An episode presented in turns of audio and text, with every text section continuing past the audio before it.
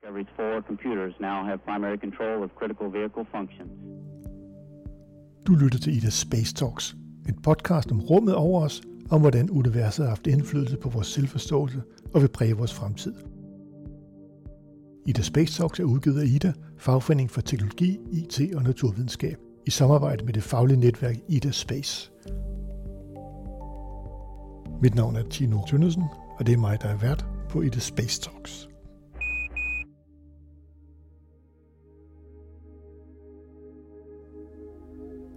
Kigge kigger op på himlen sådan en mørk aften, så kan vi være heldige at se en masse stjerner.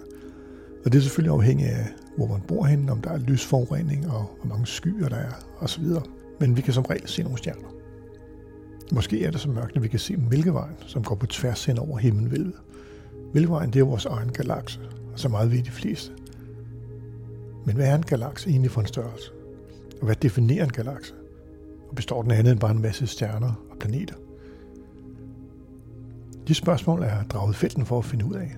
Ikke helt ude i universet, men dog til Nørrebro. Fordi der ligger Cosmic Dawn Center, som er en del af Niels Bohr Instituttet på Københavns Universitet. Og lige nu der sidder jeg foran Peter Laversen, som ved alt om galakser. Tak fordi jeg må komme forbi, Peter. Ja, selv tak. Lige for at starte op, så fortæl os lidt om dit forskningsfelt. Ja, altså jeg, jeg har sådan en stilling her på Cosmic Dawn Center, hvor jeg både laver noget formidling og, og noget ja, forskellige ting, men når jeg så forsker, så er det i galakser. De fleste af mine kolleger, de er sådan lidt mere observationelt minded, det vil sige planlægger og udfører observationer og fortolker observationerne og sådan for at lære noget om universet. Og det er så især galakser, vi forsker i her. Jo. Jeg er lidt mere teoretisk. Jeg har sådan en baggrund fra speciale og PhD, hvor jeg har lavet computermodeller af galakser. Okay. Og så bruger, bruger de modeller til at fortolke observationer, men også til at forudsige, hvad man øh, måske kan forvente at, at se med teleskoperne. Så det er sådan, det er sådan, man arbejder sammen med teori og, og praksis i forskning.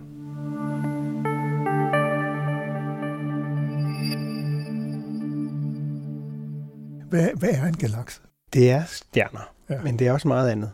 Øhm, og det er meget forskelligt. Der findes mange, mange forskellige galakser. Men altså helt overordnet set, så består en, en galakse af stjerner, og stjerner de er lavet af gas. Men der er også en masse gas mellem øh, stjernerne i det, man kalder det, det interstellare rum. Og øh, alt efter, hvornår man snakker om i universets historie, så kan der være mere eller mindre. Gassen bliver ligesom langsomt brugt op men af stjernerne, men stjernerne dør også og giver gassen tilbage til det interstellare rum her. Og så kan der, kan der være sådan et, øh, eller så er der så sådan et slags kosmisk kredsløb, hvor at gas bliver til stjerner, og stjerner lever og dør og giver gassen tilbage, og så kan det blive til nye stjerner. Og så på den måde, så kan det øh, gassen udvikle sig, fordi hver gang stjernerne dør, så kan der blive dannet nye grundstoffer, og de her grundstoffer kan gå sammen og lave molekyler, og altså lidt mere komplekse molekyler og støvkorn. Så der er også en masse støv i, ja. øh, i galakserne. Og øh, støvkornene kan så klumpe sammen til småsten og større sten og asteroider og, og planeter. Og på den måde, så kan man så have planetsystemer. Planeterne, altså det er en, en lille del af, af den samlede mængde af galaksen. Okay. Men det er jo for os, kan man sige, den, måske den mest interessante del, fordi det her, der er liv, i hvert fald for, for det almindelige mennesker, så at sige. Øhm, vi prøver så også at, at udforske alt det andet, der er. Okay. Så der er altså gas og stjerner og støv og øh, molekyler. Ja. Og så er der jo altså også... Øh, så er der så også noget, tror vi, noget, der hedder mørkt stof, jo. som der faktisk er meget mere af end alt det andet. Øhm, der er en, øh, seks gange, fem, fem, seks gange så meget af det mørke stof. Jeg tror, vi alle sammen har hørt om mørkt stof, men hvad, hvad er mørkt stof egentlig? Ved vi det? Nej, vi ved det ikke. vi, øh, jeg tror, at de fleste, altså for det første skal det nok lige siges, at, at det slet ikke er alle, der tror, der findes mørkt stof. Nå. Øhm, men størstedelen, i slag på tasken måske 90 procent af astronomerne, tror på, at der er noget, der hedder mørk stof, hvor den sidste øh, signifikante del, så tror at det måske nærmere er noget med, at vi ikke forstår tyngdekraften ordentligt. Okay. Fordi vi ved ikke, hvad det er. Jeg tror, at de fleste, der tror på mørk stof, tror, at det er en form for meget, meget lille partikel, øhm, som bare ikke udsender lys, og som ikke interagerer andet end gennem øh, tyngdekraften med det stof, vi kan se. Mm. Og Og ved at kigge på det stof, vi kan se, og se, hvordan det opfører sig, og se, hvordan det øh, opfører sig anderledes, end det burde i forhold til, hvad vi øh, ved om tyngdekraft, så kan vi så regne ud, at der er noget stof, noget mere stof, jo. som får det til at bevæge sig rundt, eller øh, altså, som påvirker det på forskellige måder. Okay. Og, og ved at så kigge på det stof, vi kan se, så kan man så regne ud, hvor meget det mørke stof vejer, og hvordan det klumper sammen også, og sådan nogle ting, men, men selvom vi ikke kan se det. Og det kan man gøre på mange forskellige måder, og de kommer frem til øh, nogenlunde samme resultat. Så det er derfor, at der er mange, der tror på, at det, det findes. Okay. Men hvad det er, det har vi altså ikke helt styr på.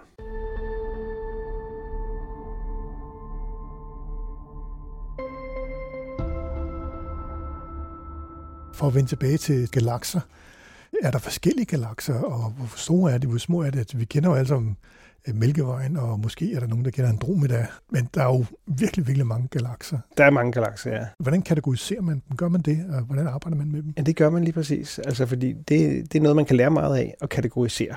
Ja. Øh, altså, altså en rigtig stor del af en astronoms arbejde går ud på at, at putte ting i kasser fordi man kan lære, øh, og så altså alt efter hvordan man kategoriserer dem, kan man lære forskellige ting. En måde for eksempel at kategorisere galakser, det er ved at dele dem op efter, hvor, hvor meget de lyser. Ja. Og så kan man se, at der er nogen, der lyser lidt, og nogen, der lyser meget. Og det hænger så sammen med, hvor store de er. Så man kan også dele dem op efter, hvor meget de vejer. Man kan ikke måle direkte, hvor meget de vejer, men det kan man så regne sig frem til med forskellige fysiske modeller ud fra det lys, vi ser. En tredje måde at dele dem op på, det er ved, hvordan de ser ud. Ja. Og det er øh, lidt mere øh, subjektivt faktisk. Altså hvor at, øh, at dele dem op efter lysstyrke, eller masse, eller støvmængde, eller sådan noget. Det, der kan man måle og komme med et tal, og så kan man sige, vi deler op øh, fra, øh, lad os sige, fra 10 milliarder solmasser til 30 milliarder, der har vi dem her, og fra 30 milliarder til 100 milliarder har vi dem her, osv. Øh, men udseendet, mm. eller morfologien kalder vi det, det er lidt mere øh, subjektivt. Ja. Og alligevel kan man lære meget af det. Så derfor så er det faktisk sådan noget, hvor man hvor vi øh, nogle gange bruger det, man kalder citizen science, hvor man øh, øh, hvor man, altså vi kan have en, en hel katalog af galakser, som bliver uploadet til, der er sådan en hjemmeside, der hedder galaxyzoo.org, no. hvor at, øh, altså citizen scientists, altså folk, der simpelthen bare interesserer sig for astronomi, så kan de sidde og kigge på galakser, og man kan, altså, man kan komme til at sidde og kigge på galakser, som ingen mennesker nogensinde har set før, fordi det bliver uploadet automatisk. Okay. Øhm, og så kan man så sidde og klikke sig igennem sådan en katalog af galakser, og så kan man så, øh, der findes forskellige kategorier, og så kan man så sige, jeg synes, den hører til der. Og så når der så er 50 mennesker, der har puttet den i den kasse, mens der kun er to, der har puttet den i en anden kasse, så bliver den så kategoriseret som den, som de fleste ligesom okay. stoler på. Øhm, men altså, ja, så for at vende tilbage til det spørgsmål, hvad for nogle forskellige slags findes ja. der, så, så altså, de kommer i mange forskellige størrelser. For det første, de mindste galakser øh, vejer øh, måske en million gange så meget som solen. Når, her i astronomi, så måler vi i solmasser. Nå, solen ja. vejer sygt meget. øh, altså 2 gange 10 i 33 gram, tror jeg det er. Så det er okay. et, et, et total med 33 nuller efter jo. gram. Ja. Men det, det er et øh, besværligt tal. Så vi, vi måler ting i solmasser. Okay. En million solmasser for de, for de lette galakser. Så er der den typiske, øh, en typisk galakse, det er sådan en som Mælkevejen. Den har cirka 100 milliarder solmasser. Okay. Øhm, og solen er nogen, det er ikke helt galt at sige, det svarer til, at der er cirka 100 milliarder stjerner. Fordi øh, solen er sådan nogenlunde typisk stjerne. Lidt større. Øhm, så er det de rigtig store galakser, de vejer, øh, hvad giver det så? Det giver en trillion, det er 1000 milliarder solmasser, eller endda 10 trillioner er der nok nogen der op på. Men det er sådan det største. Okay. Men, øh, og så er der så meget stor forskel. Og det, altså, vi så kommer vi ind på den her morfologiske type. Og øh, de små af galakserne, de er typisk sådan lidt, øh, de har ikke sådan en, en speciel form. De er irregulære.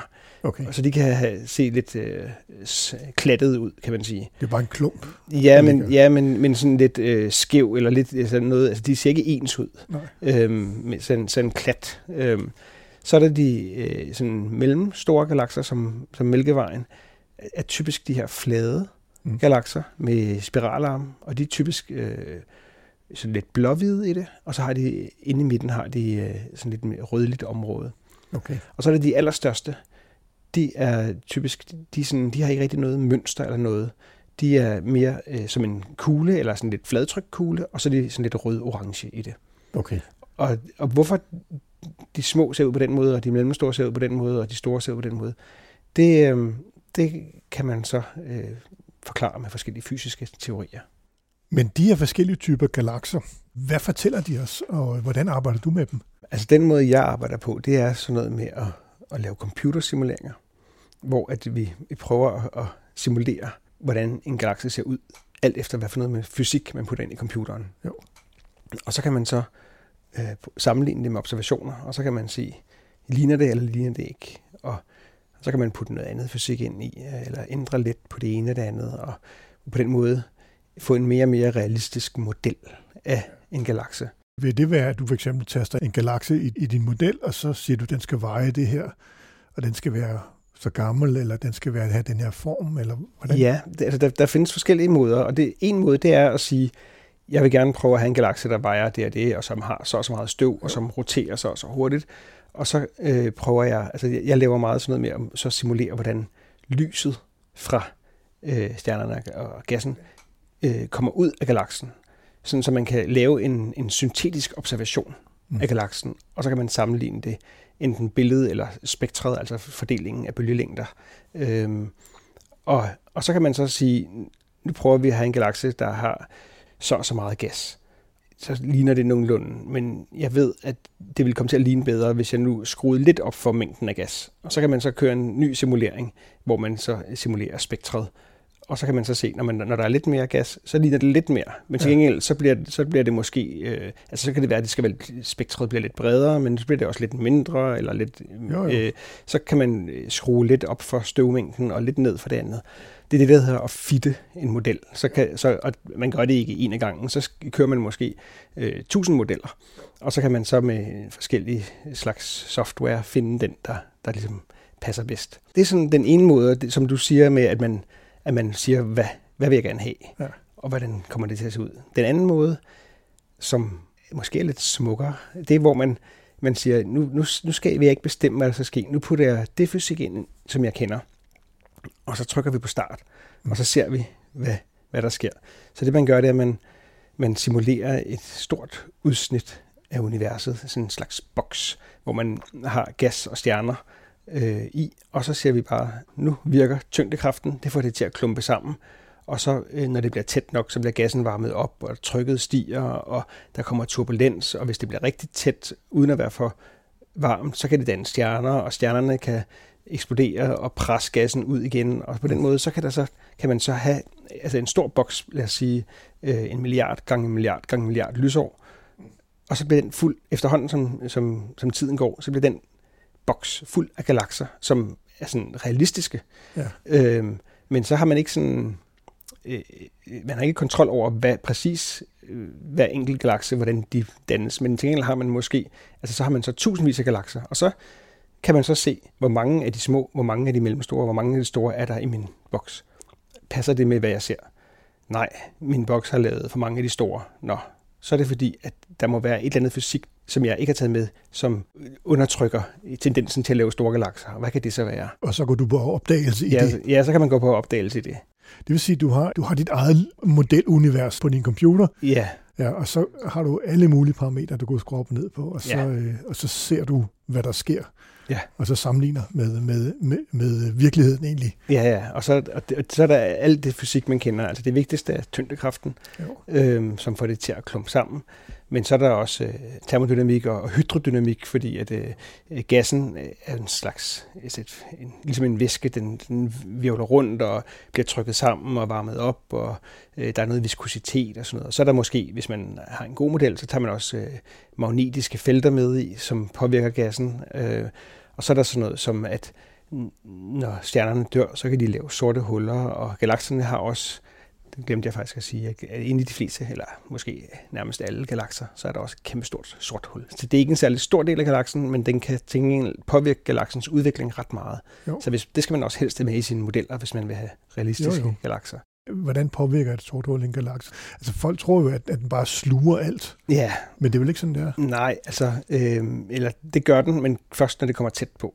Men, øh, men det, det kan gøre, altså fordi almindelige sorte huller, det, det bliver skabt, når store stjerner dør, og de vejer så i størrelsesorden det samme som en stjerne.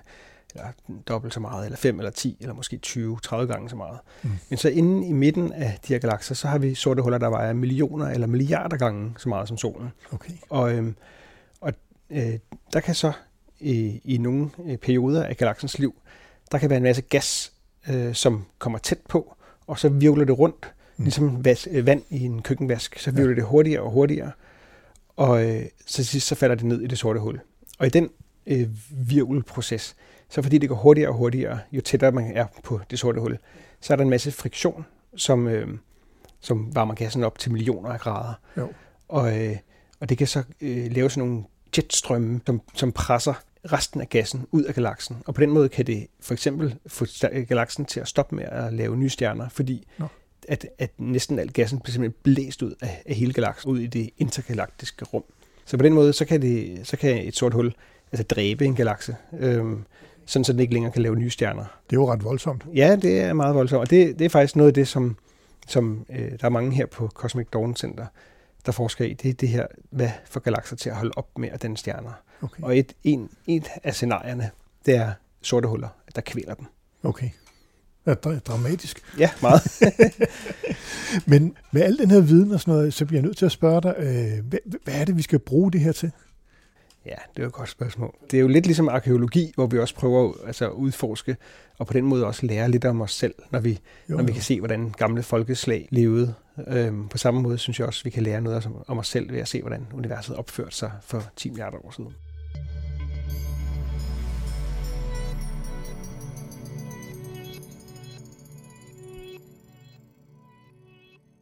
Hvis jeg nu må vende tilbage til de her øh, sorte huller, den, den virvel, de laver, er, er det det, der former galaksen? Hvordan kommer de her forskellige former frem? Ja, det, det er en, en del af det. Formen kommer af forskellige fysiske processer. Øhm, hvis vi ser på, når galakser bliver dannet i det tidlige univers, så er det det, er det mørke stof, som der er mest af. Så det er det, der dominerer, og det er tyngdekraften. Så, tyngde, så universet udvider sig, og i det tidlige univers, så udvider det sig rigtig hurtigt. Øh, så der blev længere og længere mellem alt. Men universet var ikke lige tæt over det hele. Så nogle steder var det øh, større tæthed, og nogle steder var der mindre tæthed. Ja. Og de steder, hvor der var tæt nok, der kunne tyngdekraften så ligesom vinde over udvidelsen, og så få en lille del af, af universet til at kollapse. Så tyngdekraften trak modsat? Ja. ja. Så det var sådan et, øh, et, et race mellem øh, udvidelsen og tyngdekraften. Jo. Og øh, på, på stor skala, der øh, kan man sige, at udvidelsen har vundet. Øh, men på øh, lille skala, der har tyngdekraften så vundet nogle steder. Så kan man så, øh, altså der var klumper, store klumper og små klumper, og de små klumper klumpede sammen og lavede små galakser, og de store klumper blev til store galakser. Og man kan så vise teoretisk, at, øh, at de, de små klumpede først, og de store kom senere og senere. Så små galakser blev dannet tidligt i det, altså i, i gennemsnit i hvert fald, i tidlig universets historie. Og senere kom de store til, og endnu senere kom så, øh, altså galakser ligger ikke bare jævnt fordelt, men ligger i grupper og i, mm. i hobe. Så de store galaksehobe, som har 100 eller 1000 af galakser, det er også ligesom et system i sig selv, som så blev dannet allersenest. Okay. Øhm, og når du så har sådan en klump af, af mørk stof, som kollapser, og den er fuld af gas, så kan den ikke kollapse, før den er, altså den, den er nødt til at køle af. Øh, fordi gassen, når gassen er varm, så bevæger atomerne så hurtigt. Og man kan ikke kollapse helt, hvis atomerne bevæger sig hurtigt, så stikker de af. Så de er nødt til at køle af. Og når de så gør det, så den her store klump af gas og mørk stof, den øh, har en, der er noget turbulens, som skaber noget rotation. Og når den så kollapser, så på, i, i det plan, den roterer, der har den svært ved at kollapse på grund af centrifugalkraften. Nu sidder jeg og laver noget med armene, som man ikke kan se, men, øh, nej, nej, men det, det hele roterer. Ja. Og øh, så i, i, i planen, i rotationsplanen, der, kan, der holder centrifugalkraften den fra at kollapse. Jo. Men øh, vinkelret på rotationen, altså langs med aksen, der kan den nemmere kollapse. Jo. Og på den måde får man lavet en skive af gas. Ja. Og så, det har man ligesom kimen til de her spiralgalakser, Vi har ikke lavet spiralmønstrene endnu, men vi har fået en, en skive af gas. Så er der så nogle galakser, som, altså de, især det tidlige univers, så støder de sammen, og de, så får de ødelagt deres skive hele tiden. Mm. Øh, og så alt efter, hvordan de, ligesom, øh, historien for den enkelte galakse er, øh, så kan den så øh, støde sammen med andre galakser, som ødelægger det her skive øh, mønster, og så laver en mere øh, kugleformet galakse. Okay, ja. Og i de processer, så kan der også øh, enten blive slynget gas ud, eller der kan blive skabt øh, et sort hul, et kraftigt sort hul, som blæser, som jeg snakkede om, blæser al gassen ud, og så kan den holde op med at lave nye stjerner. Og når man ikke har, øh, har mere gas i galaksen, så er det svært at, at lave en skive. Så kan den ikke så nemt kollapse. Nej. Så holder den den her runde form. Og så får man de store, tunge, elliptiske galakser, kalder vi dem, fordi de ikke er helt kuglerunde. De kan være lidt fladtrykte. Så de elliptiske galakser, de er sandsynligvis skabt af øh, flere sammenstød gennem universets historie. Gassen bliver blæst ud, så der er ikke særlig meget gas i elliptiske galakser. Mm. Og derudover, noget der sådan er meget prominent, det er farven. Jo. De runde eller elliptiske galakser, de er mere røde, og de skive, øh, øh, spiralgalakser, skiveformede spiralgalakser, de er mere blå. Jo. Og hvorfor er det? Det er fordi stjerner kan have forskellige farver, alt efter hvor store de er. De store stjerner, de øh, på grund af deres store tyngdekraft, så kan de lave kraftig energi. Altså de bliver presset meget sammen, så der er høj øh, energiproduktion. Så de lyser med energirigt lys, altså ultraviolet og blåt lys, og hvidt lys også. Men de brænder så også deres, deres øh, brændstof af meget hurtigt, så de dør. Så det er de store stjerner. De mindre stjerner, de brænder øh, i meget længere tid, men ved lavere temperatur, og derfor er de rødlige. Øhm, hvis du så har en galakse, som, som øh, ikke danner nye stjerner, så dør alle de blå stjerner ret hurtigt. Og så er der de, altså de, de blå og hvide stjerner, de dør på øh, inden for nogle øh, 10 millioner eller måske 100 millioner år. Og så er der efterhånden kun de rødlige stjerner tilbage. Så de elliptiske galakser, som er løbet tør for gas, de bliver efterhånden rødlige. Okay. De skiveformede galakser, som er fulde af gas, de kan blive ved med at danne nye stjerner, så de bliver ved med at have sådan en blå-hvid nuance. Og derfor er de spiralgalakserne typisk øh, mere blå-hvide i det. Okay. Så det, det er det, der øh, skaber forskellige former for farver. Ja, ja. Hvis du kigger i en kikkert med det blotte øje, så, øh, så er der ikke så meget lys. Og så, når, man, når der ikke er så meget lys, så, så ser man faktisk mere sort-hvidt. Så med det blotte øje, så, så vil, altså, du, kan, du kan godt se galakser med det blotte øje. Du kan se Andromeda med det blotte øje. Det er en, en hvidlig klat. Ja. Og hvis du kigger på den i et teleskop, så er det en lidt større hvidlig klat. Men hvis du kigger på den med, med et, et teleskop og et kamera, hvor du kan tage lang eksponeringstid, ja. så kan du pludselig se alle detaljerne og farverne. Jo, jo. Den er, det er en spiralgalakse, men, øh, men den er ikke, den er, den er, der er ret meget støv i, som absorberer det blå lys. Jo, jo. Så det gør den lidt mere rødlig. Men den har, den har spiralarm. Den har ikke sådan nogle prominente spiralarm helt. Øh, fordi spiralgalakserne kommer også i flere forskellige udgaver. Jo. Der er nogen, der har sådan nogle meget flotte, altså to eller tre, eller ja, ikke, det er sjældent tre, men to eller fire meget tydelige spiralarme. Og så er der nogle, der er mm, lidt mere fluffy, man kalder dem flokulente galakser, øh, som, som, hvor det ikke er sådan et tydeligt antal arme, men der er stadigvæk tydelig spiralstruktur. Og det er for eksempel Andromeda. Okay.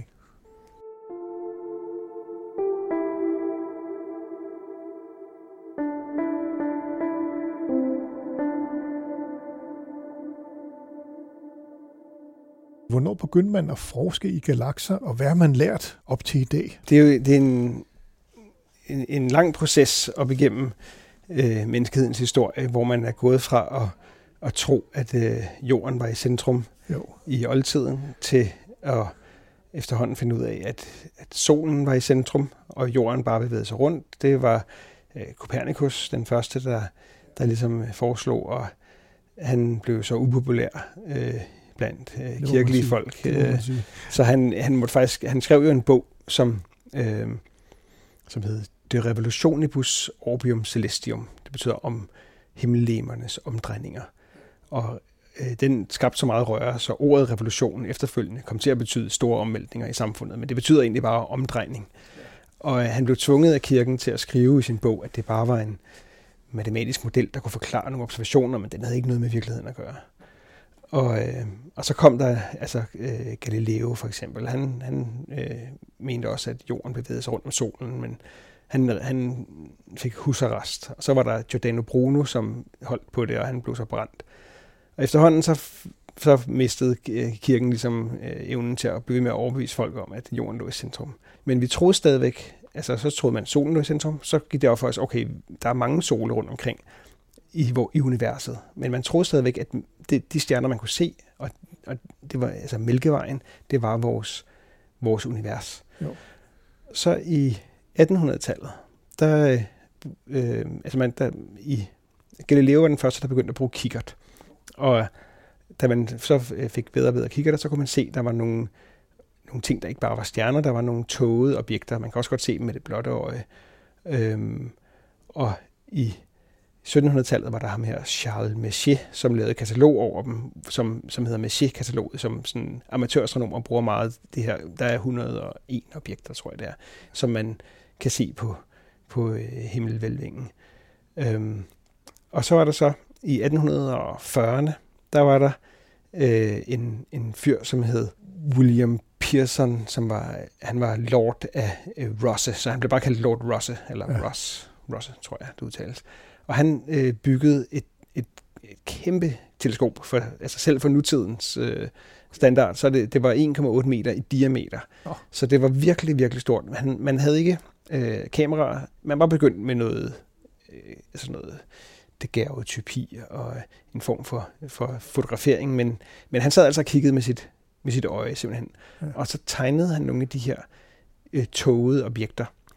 Og der var øh, især en af dem, som, øh, som han synes der var, eller han kunne se, der var noget spiralstruktur. Øhm, og det er øh, en galakse, som hedder M51. Men øh, på det her tidspunkt, der vidste man ikke, hvad, hvad det var, andet end at det var nogle toger, og man regnede med, at de var inde i vores egen galakse. Så i 1920, der, var der, en, der fandt der en berømt øh, ja, skænderi, øh, var det nærmest, eller i hvert fald en, en debat, der fandt sted, den blev kaldt den store debat, mellem, øh, der var øh, to astronomer, der havde hver sin mening om universet. Der var en, en ung fyr, der hed Harlow Shapley, som mente, at Mælkevejen var hele vores univers, og alle de toger, man kunne se, de lå herinde. Nå. Og så var der så øh, en, en ældre fyr, som øh, hed øh, Heber Curtis, som mente, at nogle af, af de her øh, tog, toger, de lå langt, langt længere væk end, end alt, hvad man ellers kunne se. Så man kunne måle afstanden øh, for nogle objekter. Og dem her, de lå meget, meget længere væk. Og de mødtes så en øh, 26. april 1920, var det vist, øh, og, og fremlagde hver deres øh, argumenter. Og det blev ikke helt afgjort øh, på det tidspunkt. Øh, som, altså, og jeg tror, alt efter hvem man spurgte, så øh, var der forskellige meninger om, hvem der vandt debatten. Et af argumenterne for, at de ikke skulle ligge øh, meget, meget langt væk, det var, at der var en astronom, der mente, at han havde målt rotationen af en af de her spiraltoger, som man så bare kaldte det. Jo. Og ved at se på, hvor stor den er, og hvor hurtigt den så roterede, så kunne man så regne ud, at hvis den lå meget, meget langt væk, så ville det betyde, at hastighederne var øh, langt større end lysets hastighed. No. Øhm, og det vidste man på det tidspunkt. Det kunne ikke lade sig gøre. Okay. Øhm, men han havde altså målt forkert, simpelthen. Jo, jo. Debatten blev så ikke helt afgjort, men ni år senere, så kom Edwin Hubble, som har fået Hubble-teleskopet opkaldt efter sig, øh, med nogle observationer, som viste, at nogle af de her toger, de lå øh, langt uden for Mælkevejen. Ja. Og ikke nok med det, så kunne han også se, at de bevægede sig væk fra os. Og det var så der, man fandt ud af, at for det første, Mælkevejen var bare en blandt mange galakser, og for det andet, at universet udvidede sig. Og dermed tidligere har været tættere, og det var så der, at teorien, øh, altså man kunne regne baglæns og sige, for et vist antal milliarder år siden, jo. så var alting samlet på samme sted, og det var så Big Bang. Okay. Så der fandt man ud af, at der var de her spiraltoger, som øh, ligger som sådan nogle ø-universer jo, jo. Øh, rundt omkring i det store kosmos. Hvornår begyndte man så at kalde dem øh, galakser? Jamen, det har man faktisk øh, gjort altid, øh, fordi vi bor jo så i Mælkevejen, som er en spiralgalakse, og dermed øh, flad. Ja. Og vi sidder inde i den. Ja. Og når vi så kigger øh, langs med Mælkevejens plan, så kan vi se mange, mange flere stjerner, end når vi kigger væk fra planen. Jo. Og derfor så når man kigger, når det er mørkt nok, så kan man se det her lysende bånd hen over himlen. Og det er at kigge ind i Mælkevejens skive. Jo. Og, og fordi det er sådan et lysende bånd, så, som ligner mælk, der flyder fra Heras bryst. Ja. Så har man, øh, altså siden de gamle grækere, kaldt det Via Lactea, altså mælkevejen. Okay. Øhm, og, og det hedder det på, på mange sprog. Øhm, ikke svensk, der hedder det Vintergatan, fordi at, man kan kun se den om vinteren, fordi om sommeren, der, der er der jo for lyst. øhm, men øhm, så, så Mælkevejen har, har ligesom været navnet for, for øh, det her fænomen på himlen, og så da man fandt ud af, at når man vi levede i en klump af stjerner, og der var andre klumper af stjerner, så var det så vores, så kaldte vi så vores klump for Mælkevejen. Jo. Øhm, så det har været, da, man, da det gik op for os der i 20'erne og 30'erne, at vi boede i vores egen klump, at man så begyndte at bruge det ord for vores klump. Okay, sige. det vidste jeg faktisk ikke. Det var fantastisk.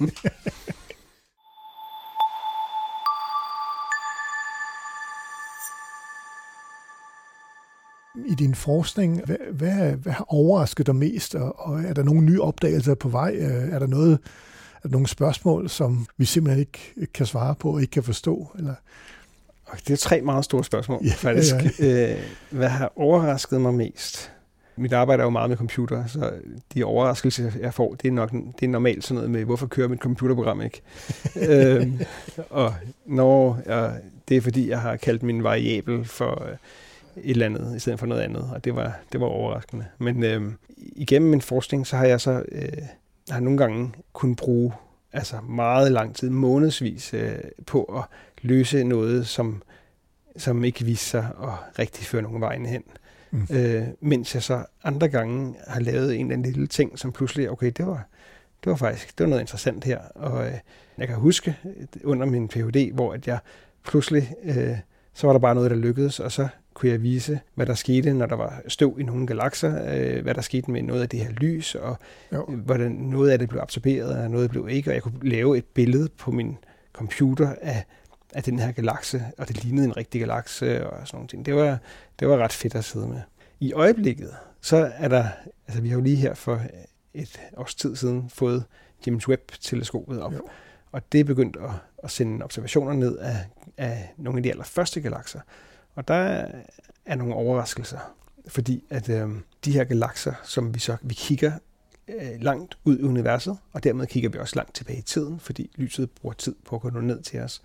Så vi kigger tilbage til den tid, hvor de allerførste galakser er ved at blive skabt. Og der er nogle overraskelser i, i og med, at, at nogle af de galakser, vi finder, de er, de er langt større, end vi mm-hmm. egentlig troede var muligt. Altså, de burde ikke kunne nå at, at, at vokse sig så, så store på så kort tid. Der er som, altså, så der er snak om, at vi måske skal revidere sådan hele den grundlæggende model af universet. Okay. Men, men der er rigtig mange ting, som også kunne være forklaringen. Altså enten at det i virkeligheden er nogle galakser, der slet ikke ligger så langt væk, men som bare snyder, eller at øh, vi bare har været heldige at kigge et sted hen, hvor der lige præcis er en, nogle store tunge galakser, eller at de modeller, vi bruger til at fortolke observationerne, de er, er øh, forkerte. Altså, så det ikke er øh, modellerne af universet, men det er altså modellerne til, når vi ser så og så meget lys, så oversætter vi det til så og så mange stjerner. Og de modeller, de bygger på noget fysik, vi kender fra vores mere lokale univers. Men det er ikke sikkert, at altså, vi ved, at de fysiske forhold i det tidlige univers var anderledes. Og så, det er ikke sikkert, at de modeller, de kan bruges. Så det. Øh, er måske, at det er på tide at udvikle de modeller her. Okay, simpelthen for at få det til at passe med det, som James Webb nu er begyndt at se. Ja, for at kunne fortolke observationerne og, og finde ud af, hvad det egentlig er, vi ser, når vi ser en klat lys. Ja, ja man må sige, I løber ikke tør for materiale forløb. Nej, det kan man, det kan man roligt sige. At, uh, altså, her på Cosmic Dawn Center, der, der er vi, vi startede ligesom op på, at, at det vi ville, det var at bruge James Webb-data. Ja. Og det blev hele blevet forsinket så på grund af alle mulige tekniske ja, problemer og fyringer og corona og alt muligt. Øhm, så, så det var lidt, lidt ærgerligt. Øh, men, men nu er det endelig sket, og nu er der altså jo hver dag nye data, som er spændende at kigge på. Peter, øh, det var ret spændende, og øh, min øh, viden om, om galakser er i hvert fald øh, steget i en væsentlig grad nu. Ja. Super, og tusind tak, jeg fordi jeg måtte komme forbi. Det var så let. Du har lyttet til The Space Talks, som udkommer hver 14. dag. Du kan også følge os på Facebook i gruppen Ida Space, og her kan du også deltage i debatten om alt inden for rumfart. Du kan også skrive til mig på trt hvis du har et emne, som du synes, at vi kan tage op. Og du kan abonnere på podcasten via din favorit podcast udbyder. Ida Space Talks er en af flere podcasts, der udgives af Ida, Fagforeningen for Teknologi, IT og Naturvidenskab. Og du finder alle Idas podcast på ida.dk-podcast. Mit navn er Tino Tønnesen. På genhør om 14 dage.